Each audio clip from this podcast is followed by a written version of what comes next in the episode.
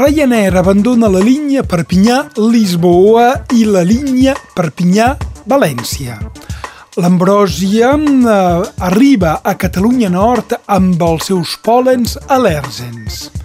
Les autoritats franceses i catalanes recorden que la circulació motoritzada està prohibida fora de les pistes.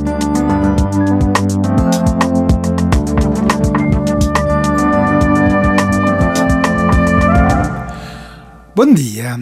L'onada de calor que colpeja el mar Mediterrani aquest estiu podria constituir un terreny favorable per a la creació d'un fenomen climàtic extrem aquesta tardor, un Medicà, mini huracà mediterrani.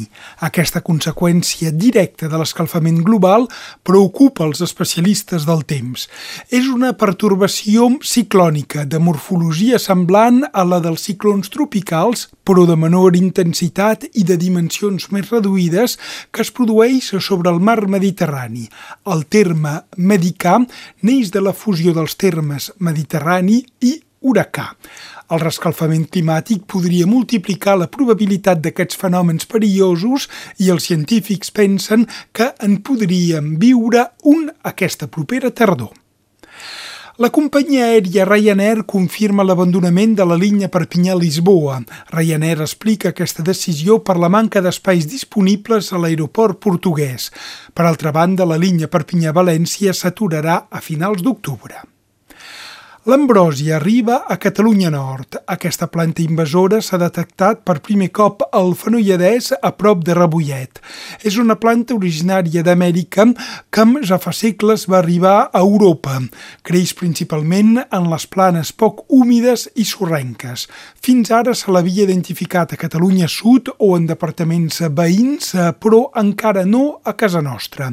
Té la particularitat de generar molt de polen i produir al·lergies.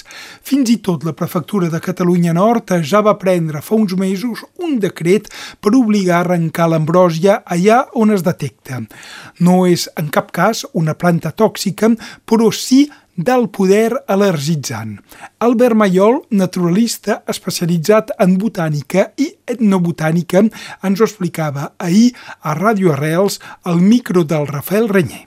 El que va malament, diguem-ho així, és, és pel polen. Uh, té un polen molt petit, fabrica molt, sembla, i aquest polen provoca problemes de tipus respiratori. En principi, la planta tòxica, eh, jo no conec res, al contrari, que té usos medicinals, per exemple. Eh?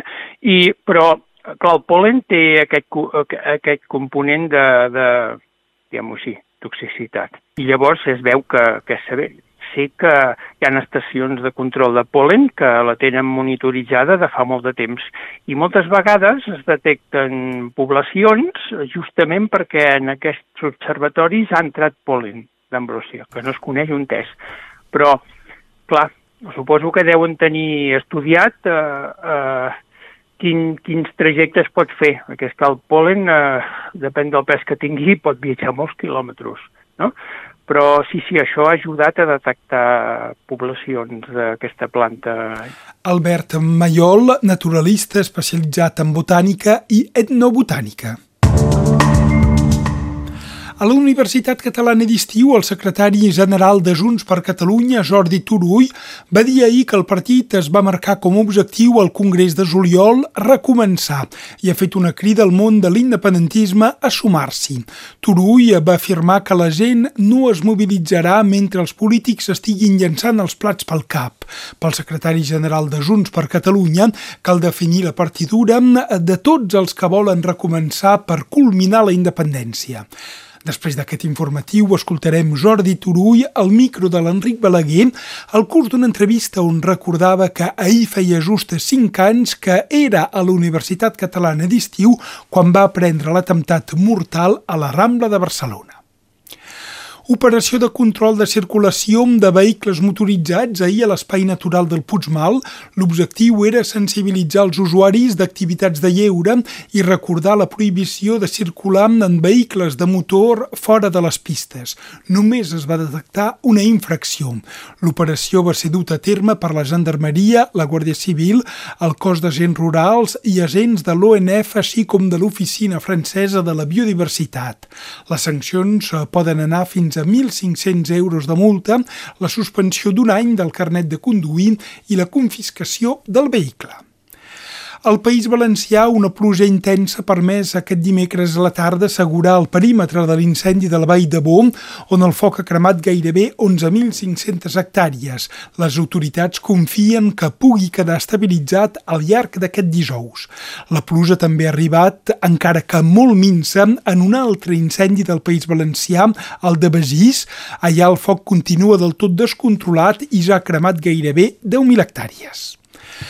El català de l'Alguer ha assolit una fita històrica després que el municipi de l'Alguer i la regió de Sardenya hagin signat un conveni que certifica el coneixement de l'algarès d'acord amb els estàndards del marc europeu comú de referència per a les llengües, el sistema per avaluar les competències lingüístiques del Consell d'Europa.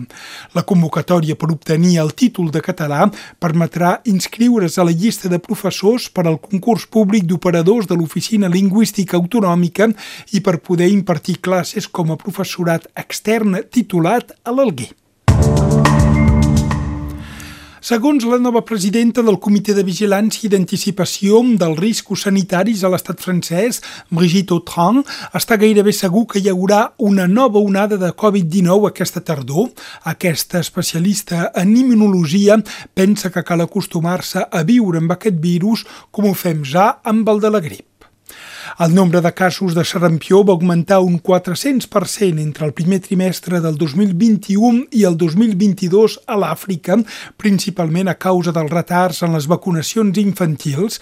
Només a Zimbabue, en pocs dies, un brot de sarampió ha matat més de 150 nens.